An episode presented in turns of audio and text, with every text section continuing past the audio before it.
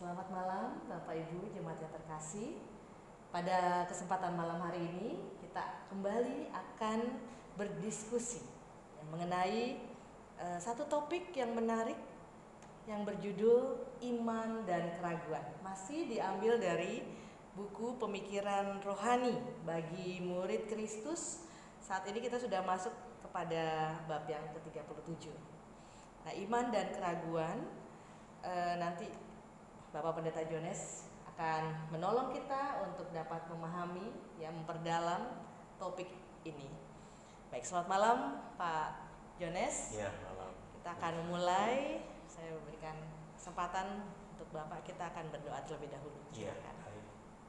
Bapak Ibu mari kita sehati berdoa bersama-sama. Kami bersyukur dan berterima kasih Tuhan malam ini kembali Tuhan menolong kami dapat bersatu hati melalui ibadah doa malam ini. Kami akan share bersama-sama firman Tuhan. Tuhan urapi kami semua dengan kuasa roh kudusmu sehingga setiap kehendakmu, kebenaranmu akan menjadi bahagian kami. Karena itu kami siap memulai seluruh talk show malam ini. Demi nama Yesus kami berdoa. Amin. Amin. Ya, terima kasih Pak. Baik. Uh, dari bagian buku ini diawali dengan suatu pertanyaan yang cukup reflektif buat kita semua yang ditanyakan ya uh, tentang bahwa banyak orang percaya berpendapat bahwa uh, percaya yang sejati atau iman sejati itu tidak pernah ragu sedikit pun ya. Nah ini kita mau gali betulkah demikian. Lalu eh, keraguan katanya di sini bertentangan dengan iman Kristen. Apakah demikian? Baik, saat ini kita akan memulai ya diskusi kita dilandasi dari satu bagian firman Tuhan yaitu dari Yesaya 7 ayat 9b yang berbunyi demikian Jika kamu tidak percaya sungguh kamu tidak teguh jaya. Pendek ya, tapi ini hendaknya menguatkan kita semua. Jika kamu tidak percaya, sungguh kamu tidak teguh jaya. Baik Pak, mungkin untuk mengawali ya uh, diskusi kita satu hal yang sering kali mungkin terjadi, apalagi mungkin pada saat-saat uh, kondisi masa pandemi seperti ini yeah. ya Seringkali kita sebagai orang beriman, tapi ada kalanya kita merasa sangat khawatir, ya sangat khawatir, bahkan kadang mungkin meragukan, ya meragukan Tuhan, meragukan janji-janji Tuhan. Nah itu mengapa bisa demikian ya Pak ya? Iya baik. Uh, Ibu Dora saya mau mulai dulu dengan latar belakang kita. Oh iya boleh silakan Pak. Iya jadi uh, kisah ini terjadi ketika ketakutan besar itu sangat dirasakan oleh Raja Ahas. Hmm. Mengapa? Karena waktu itu yang awalnya ada dua pemerintah yakni Yehuda, Israel dan juga Arab ini melalui raja mereka Peka dan Resin mereka berdua ingin mengajak Yehuda yang dipimpin Raja As untuk bersatu bersama-sama mereka mau menyerang Syria hmm. Raja Syria tapi oleh karena uh, Raja Ahas menolak ajakan itu kemudian akhirnya kedua raja ini Israel dan Aram mereka bersatu mau menyerang Raja Ahas Yehuda khususnya sehingga Yehuda begitu takut apalagi kedua raja ini mau menggantikan ketika mereka menyerang Yehuda mau menggantikan Ahas raja Ahas.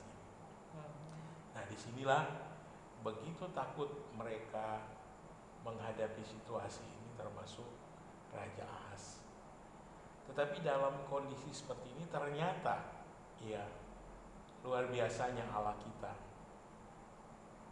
Raja Ahas kemudian didatangi oleh seorang nabi yang bernama Yesaya.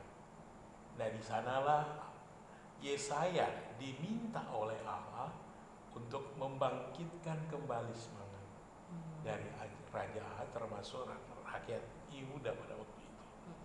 Karena ketakutan besar yang mereka alami, artinya iman mereka kemudian merasa sangat undur dan tidak lagi percaya akan Allah. Itu sebabnya di dalam ayat yang ke-9 ini yang Ibu Dora baca tadi, jika kamu tidak percaya, sungguh kamu tidak teguh jaya.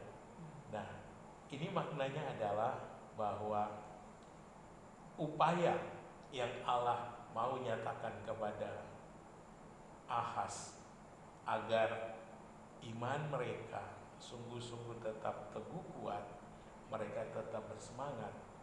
Tetapi ketika mereka tidak percaya, ya, mereka tidak lagi beriman sungguh kepada Allah, maka ya akan nyata bahwa kegelisahan itu akan nampak dan mereka semua tidak bangkit lagi semangat mereka. Kemudian apa yang terjadi? Ya, mereka akhirnya akan dikalahkan oleh kondisi mereka sendiri. Mereka tidak kembali percaya kepada firman Allah. Hmm. Prinsipnya gitu. Lalu kalau kita lihat dari kondisi saat ini, Iya, sering kali kita juga mungkin merasa seperti itu ya Pak. ya? betul. Uh, contoh-contoh saya pikir banyak ya terjadi di kehidupan kita, apalagi misalkan tadi di saat pandemi COVID ini. Mm-mm, mm-mm. Nah, Nah, mengapa itu terjadi? Ketika kita akhirnya tidak percaya lagi akan Allah sampaikan termasuk janji-janjinya. Nah, ini memang suatu proses yang harus terjadi di dalam hidup kita. Mm-mm. Dan ini adalah langkah awal atau langkah yang konkret bagi kita bahwa ketika kita menjadi orang-orang yang beriman, memang dengan adanya keraguan ini, itulah langkah awal sebagai proses kita mencari kepastian iman. Hmm. Jadi ini adalah sebuah proses berarti akan berlangsung Iya. sepanjang hidup kita. Mm-mm. Yang tujuannya supaya kita memiliki iman yang pasti, Hmm. iman yang teguh, iman yang kuat. Hmm. Jadi Iya. yang menarik sekali memang. Oke, jadi itu sesuatu yang wajar begitu Pak. Kalau kita punya keraguan, gimana? Kalau lihat dari proses berarti itu menjadi satu sesuatu yang wajar ya. Iya, Atau ada nggak keraguan yang, yang tidak wajar sebetulnya? Bagaimana Pak? iya. Iya kalau secara ini ya, secara pribadi dan iman kita, memang uh, keraguan itu sering kali juga ada datang ketika situasi atau keadaan kondisi yang terjadi pada saat orang mengalaminya atau kita mengalami itu kita tidak bisa terima Hmm. artinya mem secara rasio kita tidak bisa Mm-mm. menerimanya karena loh tidak seperti ini Iya. artinya contoh yang konkret ketika murid-murid sedang berlayar dan Tuhan Yesus tertidur Mm-mm. Angin kencang badai datang. Lihat saja ya. Artinya mereka dengan Tuhan ada Tuhan. Mereka mengikut Yesus mengajar. Tetapi ketika badai datang kok mereka malah mengatakan Tuhan apakah engkau tidak memikirkan kami? Kita akan mati. Iya. jadi ini nampak sekali bahwa memang keraguan itu ada. Dan nampak ketika situasi-situasi yang sulit kita terima. Nah, saya bagus sekali mengatakan tadi di tengah COVID ini, saya mencatat beberapa hal yang kadang tidak terpikirkan oleh kita. Ini menjadi masalah, ini menjadi problem. Bagaimana kita berhadapan dengan situasi ini? Artinya uh, ada berbagai hal yang bisa membuat iman kita menjadi goncang ya. Jadi saya mencatat di sini antara lain contoh konkret ada adanya kesulitan-kesulitan hidup Hmm. yang sehari-hari kita alami. Tidak hanya itu, tetapi juga karena ekonomi yang terpuruk Hmm. dan kita sadar pengusaha dan seterusnya Iya. di bidang ekonomi sangat terasa sekali dan berdampak. Mm-mm. Mereka terpuruk. Lalu kemudian ketiadaan jaminan, ya saya mencatat di sini untuk beribadah dengan Hmm. baik. Hmm. Nah, ini juga menjadi bagian. Nah, itu sebabnya hal-hal ini itu yang akan membuat kita mengalami keraguan dalam dengan karena kita tergelincir iman kita, Hmm. tidak teguh, tidak kuat dan akhirnya kita melakukan hal-hal tidak seperti yang seharusnya kita lakukan. Dan yang lebih parah lagi, mem, ketika kita tidak fokus kembali kepada firman, Hmm. karena di sana kan janji Tuhan itu ya Iya, dan amin. Mm-mm. Dan banyak hal-hal yang memang untuk memproses kita menjadikan iman kita semakin teguh itu ada dan Tuhan nyatakan melalui firman-Nya. Mm-mm. Hanya kita tidak kembali. Hmm. Nah, contoh yang konkret ini Raja. Mem. Iya.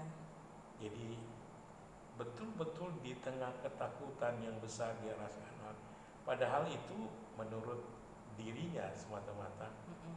karena berita yang disampaikan kepada keturunan Daud itu beritanya bahwa dua bangsa ini akan menyerang mereka. Mm-mm. Jadi yang yang dipikirkan Ahas ini karena dia seorang raja akan terjadi hal ketika dia memerintah.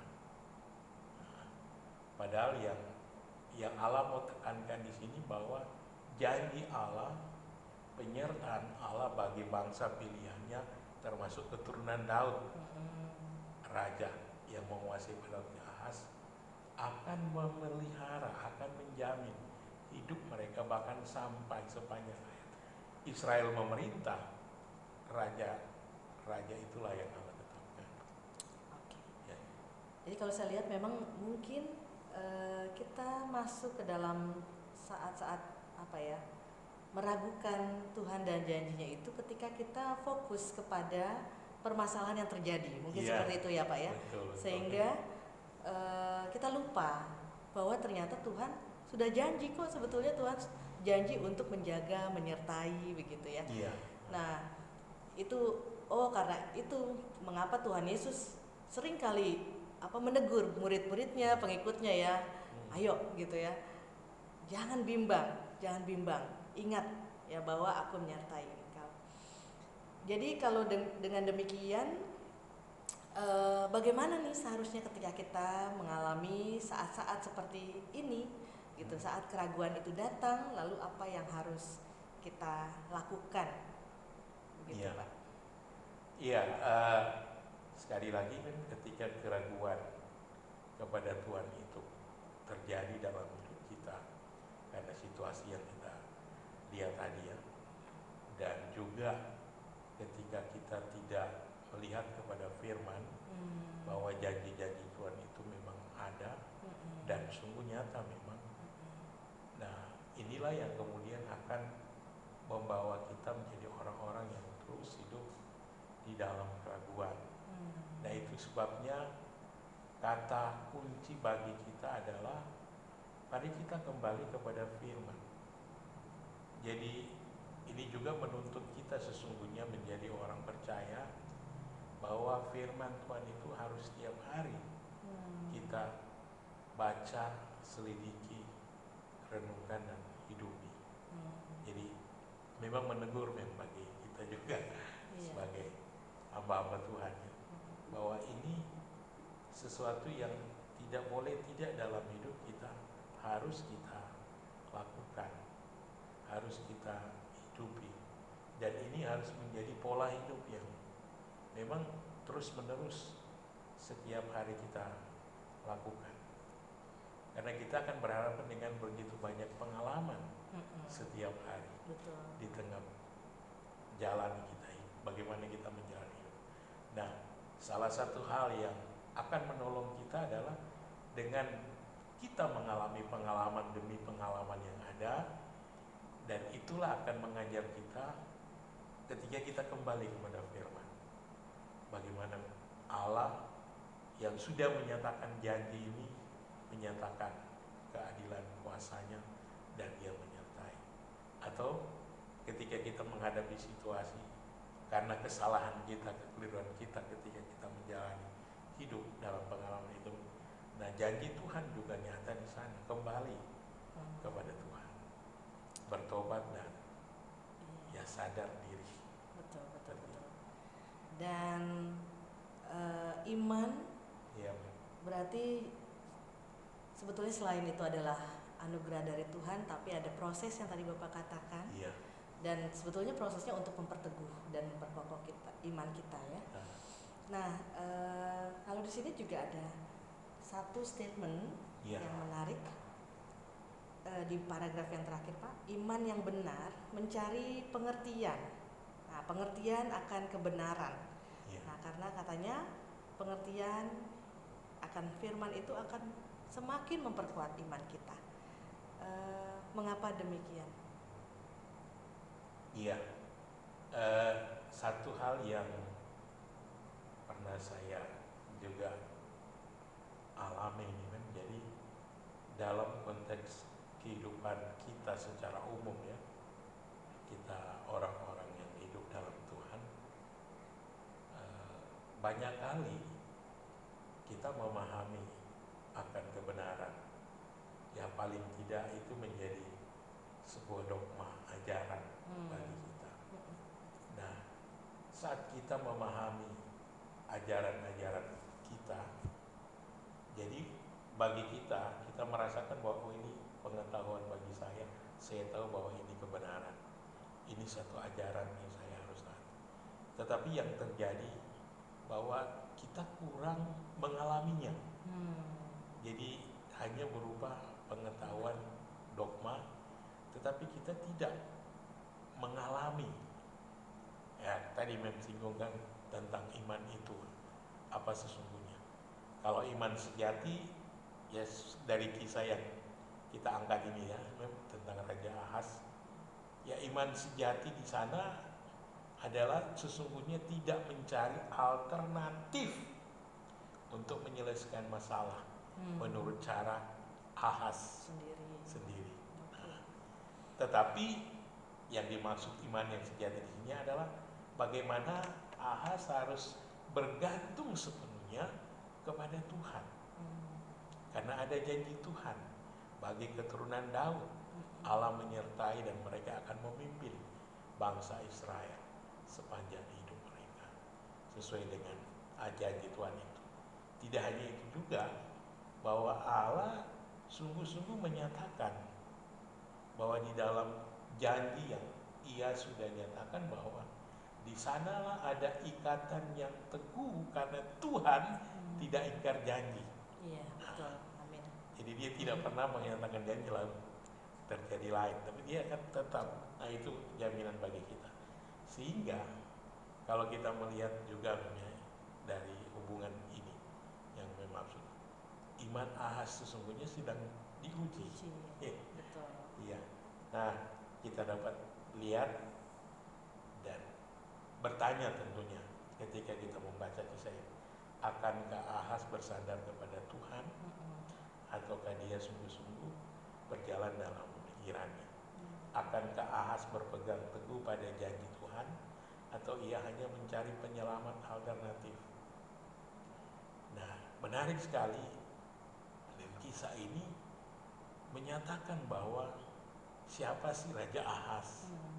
di hadapan Tuhan tidak ada hal yang butuh dilakukan oleh ini Allah bagi Ahas karena dia memang dikenal sebagai raja yang jahat tetapi Allah tetap menyatakan janjinya Hmm. dan itu yang mau dipenuhinya Hmm. digenapinya dan di sinilah Allah menyatakan dengan luar biasa sampai mengutus Yesaya berbicara dengan nah saya membaca kisah ini memang jadi di mana Yesaya mendapati Raja Ahas bukan di bait suci, bukan di tempat umum, tetapi dia sedang ada di sumur atas.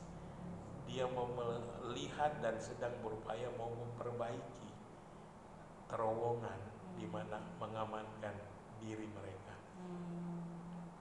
Artinya bahwa apa yang terjadi saat itu, suasana yang menakutkan, itu yang terus justru membuat imannya semakin mundur dan memang dia tidak mengandalkan akan kuasa Allah. Hmm. Nah itu. Jadi ini dan yang yang kadang terjadi di dalam hidup kita menjadi ketika kita masih tetap mengutamakan diri kita juga. Sesuai dengan apa yang kita ya saya percaya itu juga memang karena ketidak ke- ketidak miliki ketidak memiliki pengetahuan Hmm. tentang kebenaran Hmm. tentang firman nah Iya, itu yang iya.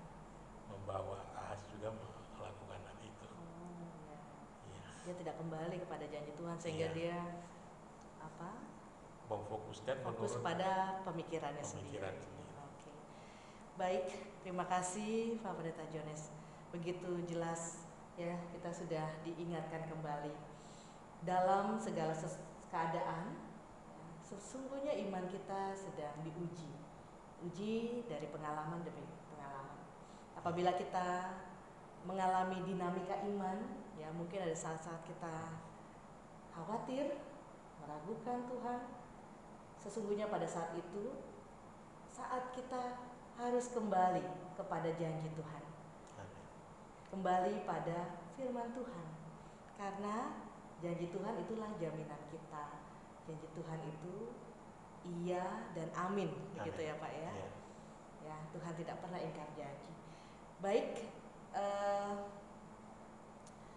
satu statement terakhir ya sebagai penutup kita. Ya. Nanti Bapak Pendeta Jones akan menutup dalam doa.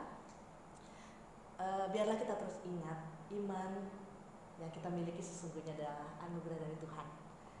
Tapi eh, hendaknya iman itu ya kita juga mengikuti proses yang Tuhan berikan melalui pengalaman-pengalaman kehidupan kita. Ya, pengalaman kita hendaknya membuat kita semakin kembali kepada firman Tuhan.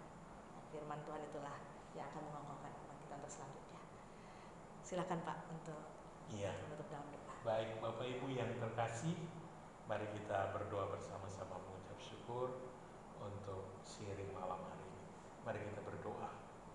Bapa di surga, terima kasih untuk penyertaan dan pimpinanmu bagi semua kami malam ini lagi.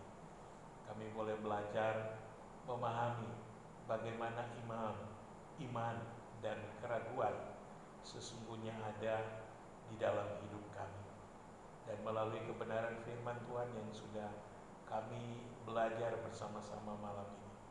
Kami terus memohon, Bapa berikan kami hati yang tetap mau terus taat dan setia, hidup di dalam kehendak Tuhan, hidup di dalam kebenaran-kebenaran-Mu, bahkan kami tetap percaya akan janji-janji Tuhan, ya dan benar. Kami memang mengalami Tuhan berbagai situasi pengalaman baik yang menyakitkan di dalam hidup kami maupun yang menggembirakan.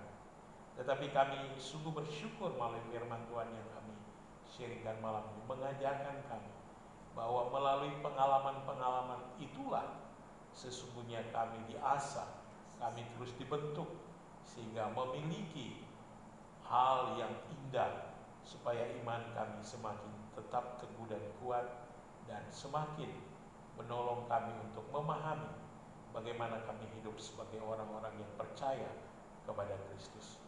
Kami bersyukur dan berterima kasih karena kembali menolong mengingatkan kami semua sebagai umat Tuhan untuk setia belajar akan firman Tuhan, untuk terus setia menjadi pelaku-pelaku firman. Biarlah ya Tuhan kami semua semakin terus Tuhan lengkapi sempurnakan sehingga iman kami semakin terus bertumbuh di dalam Tuhan menjadi dewasa. Kami bersyukur Tuhan demi nama Yesus kami berdoa. mengakhiri persekutuan malam ini. Haleluya. Amin.